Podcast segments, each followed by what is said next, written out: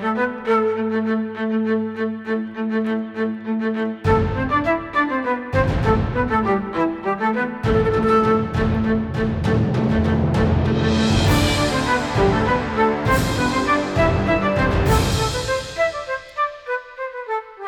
hörni till eh, Ett skepp kommer lastat.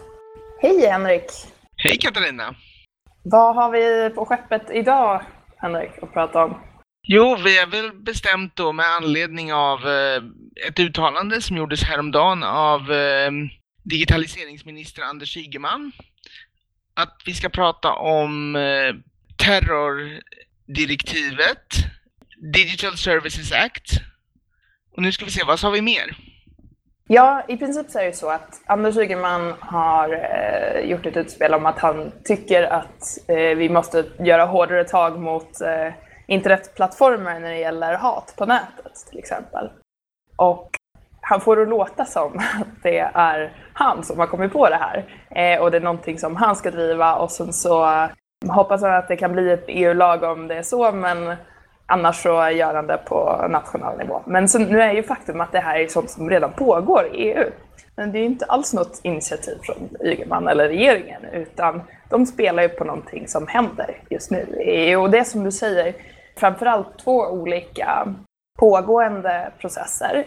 Den som brukar kallas för TERREG, eller uh, Regulation of Terrorist Content Online, och den andra heter Digital Services Act och har inte kommit lika långt utan det är ett initiativ från den nya ordförande för kommissionen, Ursula von der Leyen, som kommer att ske nu inom hennes eh, första mandatperiod. Så det är väl det vi tänkte prata lite mer om. Ja, precis. Eh, och ett litet stickspår här som jag tycker är viktigt att vi tar upp innan vi går vidare. Det är ju just det här symptomatiska i Sverige nästan, att nationella politiker tenderar att marknadsföra allting som de själva tycker är bra från EU som deras eget initiativ. Mm. Medans allting som de själva måste göra som är lite dåligt skyller de på EU om de kan. Och där är ju, det är ganska vanligt att, att det där sväljs lite, ja men lite snabbt av svensk media tycker jag. Ja, verkligen. Och det är ju, man kan ju dels eh, kritisera svensk media att de inte har bättre koll på vad som händer i EU så att de kan ställa rätt frågor eh, och ställa, ställa politiker mot väggen när de gör den här typen av påståenden. Men det är naturligtvis svårt att hålla koll på allt som sker i EU. Alltså det är ju mycket på gång. Så att man kanske inte kan lägga hela skulden där heller. Man kan ju önska att politiker var lite mer ärliga. Ja, absolut. Men samtidigt så tänker jag det att det, det händer mycket i EU det har du helt rätt i. Men genom att inte så att säga skicka ordentlig bevakning på det, eller jag vet inte om man kan kalla det för bristande bevakning, men, men uppenbarligen lite bristande förståelse för interaktionen mellan nationell politik och EU, då säger man ju också att, alltså då behandlar man ju också EU-medlemskapet ganska styvmoderligt. Ja, verkligen. Det är ju så idag att en majoritet av våra lagar beslutas om i EU och samtidigt så har vi nästan ingen insyn i vad som sker där förrän besluten redan är tagna. Så att det vore definitivt på sin plats att svenska mediehus hade ett större närvaro i EU och hade EU-experter i större utsträckning som skulle ha koll på den här typen av saker om man frågade dem. Sam, samtidigt är det också spännande för EU beskylls ofta av EU-kritiker för att vara överstatligt. Och jag menar, det är en överstatlig organisation och det är överstatliga regleringar. Samtidigt så är ju, som jag har förstått det, den mäktigaste delen av EU, det är ju ministerrådet. Som utgörs av liksom nationella representanter. Mm, precis, så eh, det man pratar om som överstatlig, då är det ju då EU-parlamentet som är enskilda parlamentariker som tillsammans beslutar Exakt. om saker, medan eh, i rådet som du säger är mer vad kallar man det, mellanstatligt. Det vill säga att det är de olika ländernas regeringar som sitter och kom, kommer överens om saker. Och du har rätt i att de har en lite större makt, även om det var mer tidigare. Tidigare var det så att de hade betydligt större makt än EU-parlamentet. Nu är det mer utjämnat. Men, och, och det är egentligen bara typ försvarsfrågor och liknande som, som fortfarande helt ligger på rådet. Ja, jag tänker kommissionen måste väl också i någon mening betraktas som överstatlig, även om den klubbas av parlamentet. Alltså EU-kommissionen är ju som EUs regering på ett sätt. Precis. Eh, så den, eh, den ska ju egentligen inte, de kommer ju med lag lagförslag, men ju, de beslutar ju inte om någonting. Precis som i, i eh, Sverige så är det ju riksdagen som beslutar om lagar fast förslag kan komma från regeringen. Mm. I EU kommer de ju dock bara från kommissionen. Alltså det finns ingen annan som kan lägga lagförslag. Ja, nej, det var ett sidospår, men inte helt oviktigt i sammanhanget, tänker jag. Nej, eh, verkligen. Slutsatsen kan jag ju säga är det vore bra med mer EU-bevakning i Sverige. Ja. Men om vi ska kolla specifikt på den här eh, regleringen som är på gång väldigt mycket nu, som är den här som kallas för TERREG, eller Regulation of Terrorist Content Online. Och för där håller de ju just nu på med förhandlingar mellan EU-parlamentet och eh, ministerrådet. För de har lite olika, de har tagit olika ställning i den här frågan. Och, eller de, de har olika ståndpunkter på flera ställen i det här lagförslaget. Eh, så de håller på och förhandlar om, om något som man kan komma överens om. Eh, och det här är ju eh, tyska piratpartiets EU-parlamentariker Patrick Breyer är väldigt aktiv i det här. Jag tror att han till, till och med är rapportör för, det vill säga att han är ansvarig eh, på något sätt. Skuggrapportör är det kanske. Han är skuggrapportör Precis, va? Eh, I den arbetsgrupp som sitter med, eh, med i de här förhandlingarna. Så han är ju väldigt insatt och han har skrivit en liten, om man går in på hans hemsida, och vi kommer länka till det här nedanför eh, podden, så kan man läsa om eh, i väldigt tydlig form eh, vad heter det, kommissionen och Eh, rådets ställningstagande och sen bredvid det parlamentets ställningstagande och sen i en tredje kolumn, vad innebär det här för dig? Och så har han plockat ut de viktigaste skillnad, skiljelinjerna här mellan kommission, vad kommissionen och rådet vill och vad parlamentet. Så ska vi kolla lite på dem kanske? Ja, det tycker jag. Jag måste, precis som du så tycker jag den, den var ganska föredömligt tydlig och man kunde önska att det fanns liksom motsvarande, hur ska man säga, kondenseringar av väldigt många lagförslag. Ja, verkligen. Inte bara från EU utan så här generellt. Jag, jag är ju byråkrat till vardags så jag läser ju rätt mycket liksom den här typen av formella texter eller lutar åtminstone mitt arbete på det. Och man förvånas ju ofta så att säga. Jag tänker mig att juridikens komplexitet kan bli ett demokratiproblem.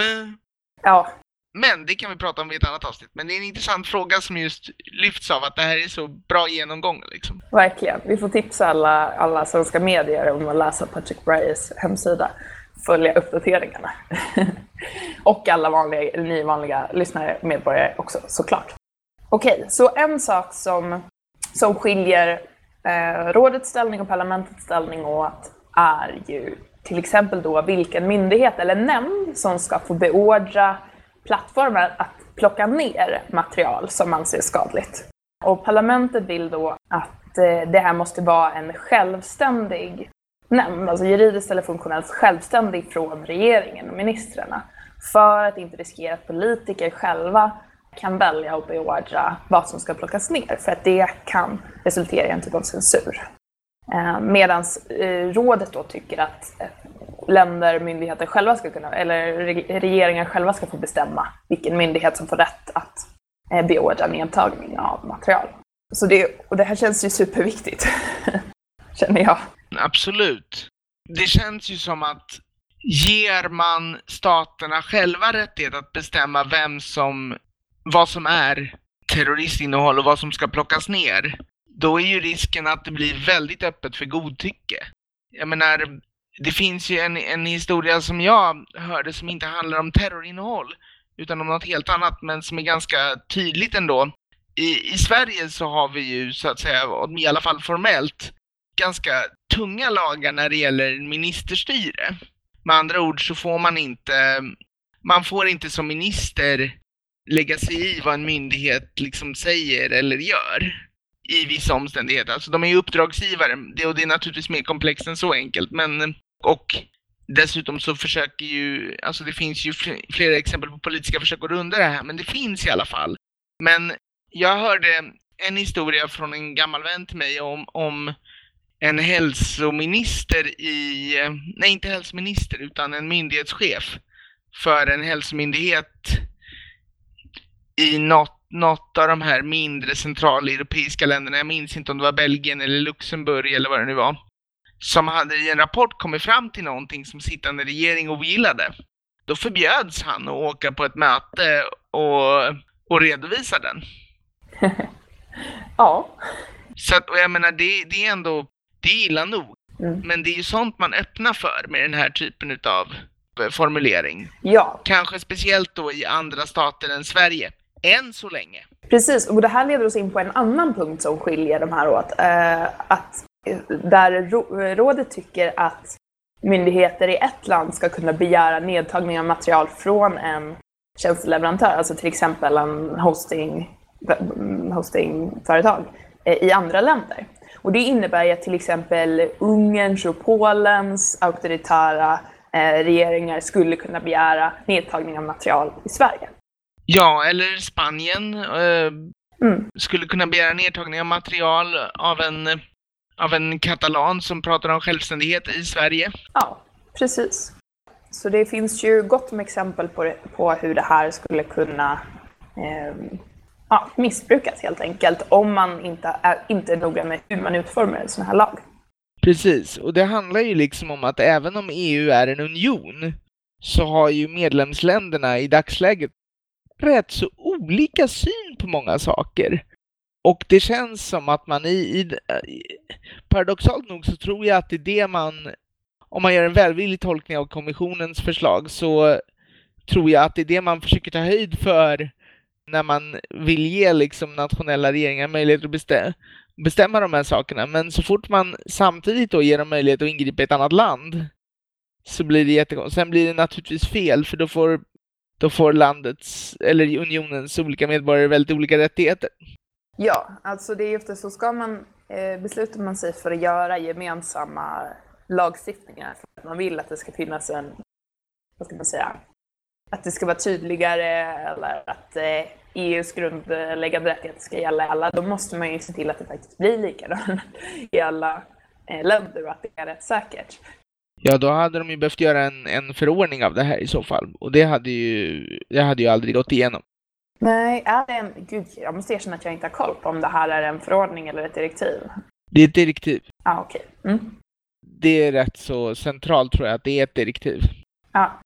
Yes, eh, men och det, jag skulle säga den sista punkten angående den här eh, lagstiftningen som Piratpartiet var väldigt kritiska till och även parlamentets position är den att man inte ska använda automatiska uppladdningsfilter för att hindra den här typen av material. Och det är ju för att det finns helt enkelt inte tillräckligt bra uppladdningsfilter eh, som har den träffsäkerheten. Även om eh, det Patrik skriver här är bland annat om Även om ett sånt här filter skulle ha så hög träffsäkerhet som 99 procent, vilket är ovanligt, så skulle det fortfarande blockera mer lagligt innehåll än olagligt eftersom att terroristmaterialet är så pass ovanligt. Så det innebär ju att det blir eh, automatiserad censur som blockar huvudsakligen lagligt material. Ja, precis. Det är ju liksom, det är egentligen samma kritik som man hade, som vi hade när eh, när man drev igenom eh, copyright-direktivet. Ja. Kan man ju säga. Och där, där, där vet vi ju nu så här i efterspelet att vi, som så många gånger förut historiskt, kan säga vad var det vi sa? Precis, just det, för där har, det ju nu, har man ju nu kommit in i vidare förhandlingar där till och med företagen själva som skapar de här filtrerna säger att vi kan inte göra det som ni efterfrågar. Nej, och det var, ju, det var ju precis det som vi och andra kritiker sa. Ja. Men eh, man tyckte inte att det var värt att lyssna på det då. Och eh, ja, vi får väl hoppas att, att man är lite mer förnuftig nu. Ja, man kan ju alltid hoppas att folk lär av erfarenhet. Sen så eh, återstår att se om det, om det är fallet.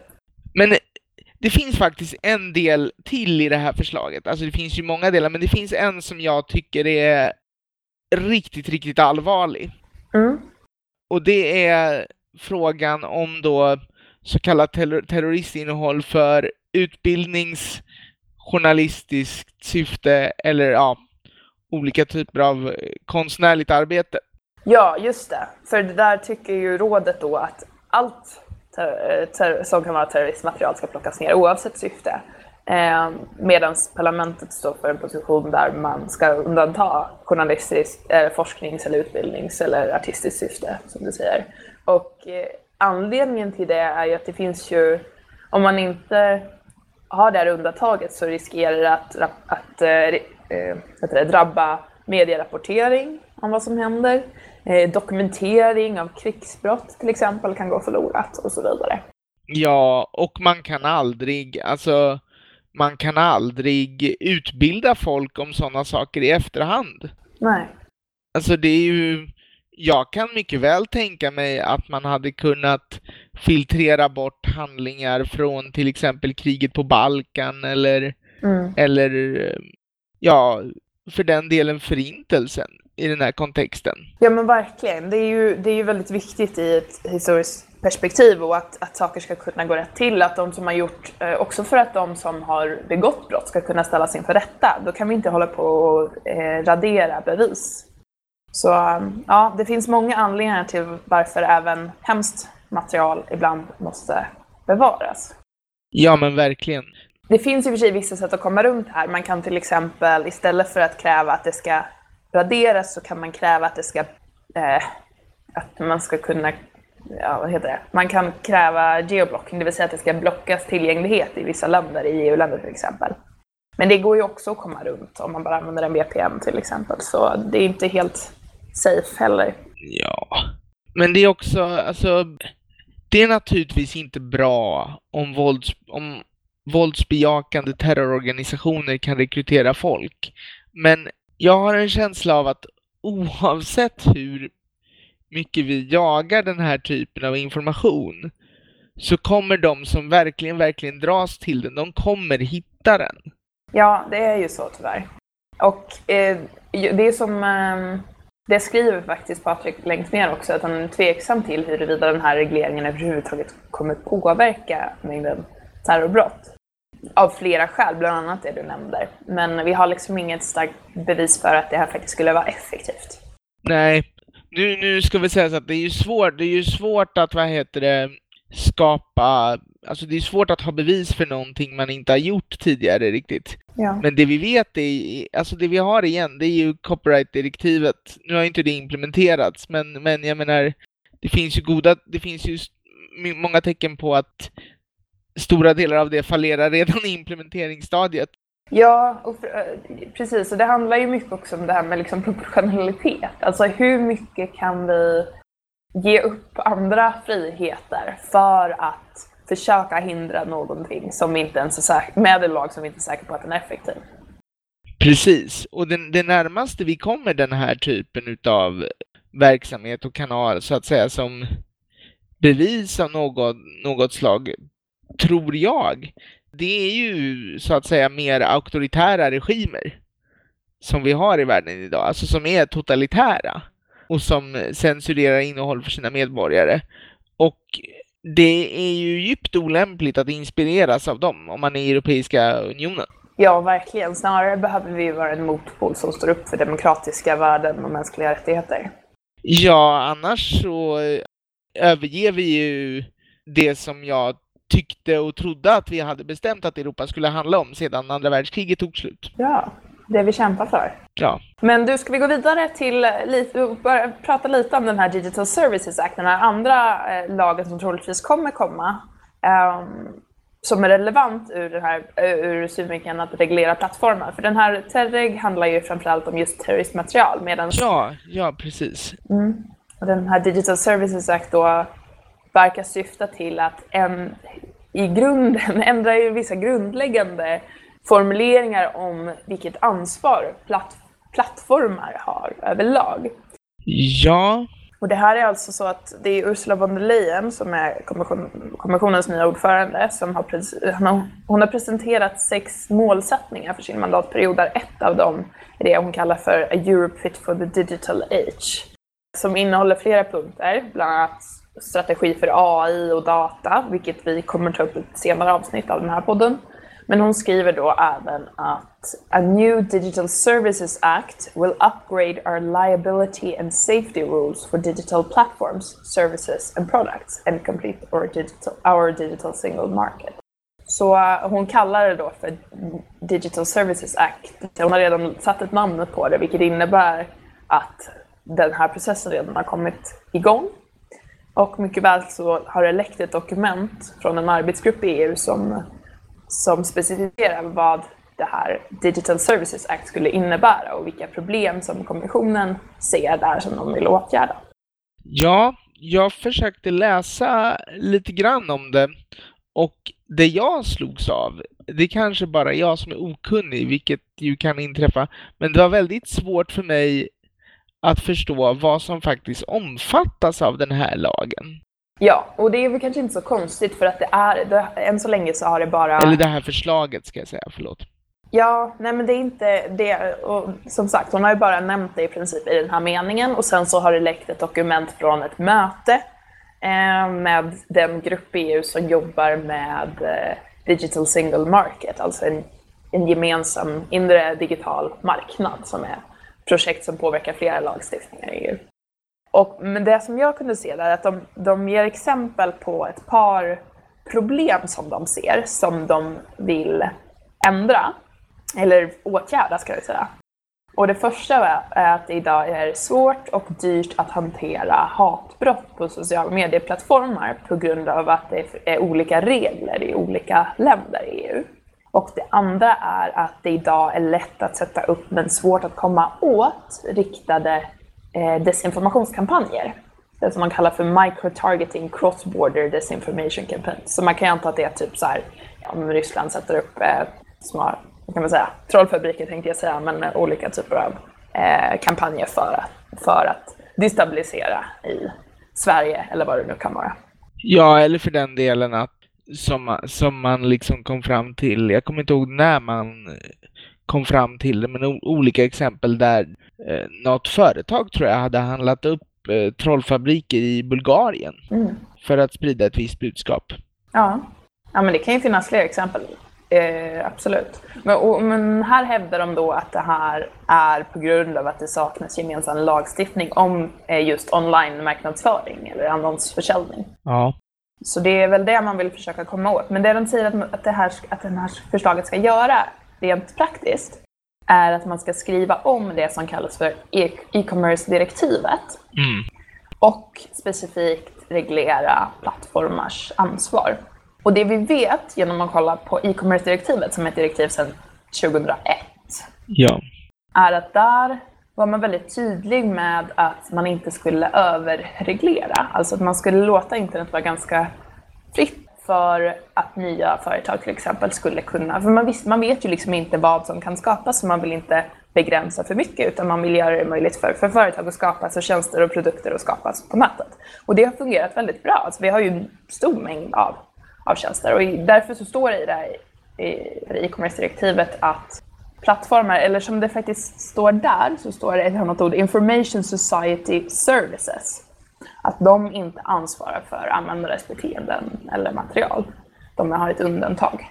Och det man tror nu är väl att det är det här undantaget som man vill komma åt och faktiskt ge plattformar eh, ansvar för sånt som sker på deras plattformar i, ett eller, i en eller annan utsträckning. Men som du säger, vi vet inte exakt vad det är man vill. Nej, det är lite intressant det där när man pratar om e-handelsdirektivet som det heter på svenska då. Mm. Eh, jag har ju pratat ganska mycket med eh, vår gemensamma vän eh, Mattias Bjernemalm, alias MAB, om detta. Mm. När han bodde hos mig under EU-valskampanjen. Mm. Och e-handelsdirektivet innehåller ju, för, förutom det du säger, så innehåller det en hel del rättighetsskyddande lagstiftning till exempel budbärarimmuniteten för internet service providers, alltså internetleverantörer, regleras ju där. Ja, men det är ju precis. Och det är ju just det att de inte är ansvariga för vad som finns på deras plattformar. Det är ju samma sak som att, de, som att eh, posten inte är ansvarig för vad som skickas i brev. Exakt. Och det, det är en, en tydlig så här inställning som man hade då, att så att säga likställa digital kommunikation med analog. Mm. Jag kan ju dock se en, en ganska tydlig skillnad mellan de två fallen. Och det är om man ser till eh, att digitala platt, plattformar idag ofta modererar eh, sina plattformar. Det, det, där kan vi se en skillnad till exempel mellan om du har eh, cloudtjänster, typ Dropbox. De modererar inte innehållet medan Facebook till exempel de gör det. de modererar innehållet. Och då kan jag absolut se att det kan finnas en skillnad mellan de två i hur man borde reglera det. Jo, um, det att, tycker jag också. Ja, och jag vet, jag vet att du sa eh, Ja, det var ju i somras jag snackade med Christian Engström, vår före detta mm. EU-parlamentariker, och han sa ja, egentligen borde det vara så lätt som att antingen så kan man, om man vill moderera på sin plattform, då är man en publicist och då har man ansvar för det som publiceras där. Eller så modererar man inte och då kan eh, man gå under den här liksom, undantaget att då är man inte ansvarig för det som sker på ens plattform och att plattformar borde få, man helt enkelt få välja. Vill jag moderera, i så fall är jag en publicist och ansvarig. Eller vill jag inte moderera, då kan jag undslippa det här ansvaret. Ja, precis. Så att, så att antingen så får du moderera, då blir du, publi då blir du publicist och behandlas som en sådan. Eller så får du låta bli att moderera överhuvudtaget. Ja. Och då, är då går du under undantaget. Sen, ja. sen så tycker jag naturligtvis, alltså det finns ju en skillnad mellan ISP och plattformar på ett sätt och en, en ISP en ISP skulle man kunna se som att det är, den är att jämförbara med posten. Den, den förmedlar kommunikation. Men inte liksom, eh, men ingenting mer än det. Medan en plattform, och, och, en plattform tillhandahåller ju faktiskt en arena på ett annat sätt. Ja, precis. Det, det är ju det man, man, man, brukar prata om det som, som så att säga kallas för plattformsinternet, som är internet som vi har det idag där det allt mer och mer upplevs via plattformar. Det fanns ju inte riktigt på samma sätt när, när eh, e-handelsdirektivet klubbades, tänker jag. Nej, precis. Då skrev, skrev alla på sina egna bloggar, inte på Facebook. ja, eller det hade väl i alla fall inte blivit så enormt som det är idag. Nej. Och Alltså jag säger inte att det absolut måste vara på det här sättet som Christian Engström föreslog, men jag tycker att det är ett intressant perspektiv. Men såklart så skulle ju det förändra helt hur affärsmodellen för sociala, medier, eh, sociala medier. Det skulle ju inte fungera eh, på det Alltså Facebook skulle då antingen behöva vara publicister och eh, granska allt som laddas upp på sin plattform, vilket skulle innebära att de skulle ha svårt att agera på den skalan som de gör idag. Eller så skulle de vara tvungna att sluta moderera och då försvinner ju hela deras affärsmodell med riktad annonsering. Hur tänker du då? Hur jag tänker då? Jag tänker Hur att tänker du att affärsmodellen försvinner? Jo, för att om de inte kan moderera, då kan de inte göra riktad annonsering, för riktad annonsering är moderering. Okej. Okay. Då behöver de mer ha samma, du visar dem samma annonser för alla eller vad det kan vara. Jaha, du menar så. Du menar, eh, du menar att man, att, att analys av så att säga innehållet är detsamma som moderering? Ja, det är att, att man presenterar innehållet på ett specifikt sätt för en specifik användare, det är moderering. Ja, ja, du menar så. Ja, mm. ja, ja. Okej, då hänger jag med. Ja, så blir, så, så blir det ju förstås. Mm. Förlåt, jag skulle ha definierat vad jag menar med moderering. Men ja, att du har din feed. Ja, precis. Jag, jag tänkte lite enfaldigt att, att det bara handlade om, så att säga, vilket innehåll som man får och inte får se. Men, men det är klart att det är samma sak. Ja, exakt. Det handlar helt om om du har en individanpassad, nej, inte individanpassad upplevelse, men om de påverkar. Om du bara ser dina vänners inlägg i tidsordning som när de sist publicerades, mm. då skulle jag inte kalla det för att det är modererat, utan då är det bara samma för alla, liksom, fast du har dina egna vänner som du har valt, ja, så att du precis. ser deras material. Då är det vad du ser är baserat på vad du, vem du har valt att lägga till som vän, inte baserat på Facebooks algoritmer. Men varje gång de individanpassar innehåll egentligen? Ja. Och det är klart, för när, alltså, i så att säga det aktiva valet att välja vilket innehåll du ska se, mm. så väljer, alltså när man väljer väljer man också bort. Typ. Ja. Men du, jag tror att vi kanske ska avsluta här så det här inte blir en jätte, jättelång podd. Jag tror vi har gått över våra 30 minuter. Men eh, det var intressant att prata om det här och, jag, och, vi får fortsätta följa de här lagstiftningarna framöver. Och jag hoppas att vi kan få fler att prata om dem under, medan de fortfarande, medan vi kan ha inflytande och inte bara efter. Ja, jag tänker också eftersom eh, nu, nu blev det ju så att vi pratade ganska mycket om Terreg och inte så mycket om Digital Services Act, men det är ändå ganska rimligt för det känns som att Terreg har kommit längre än Digital Services Act. Precis. Så att vi får nog anledning att fördjupa oss i Digital Services Act vad tiden lider. Verkligen. Men du, tack för idag och tack till alla som har lyssnat. vi hörs nästa vecka.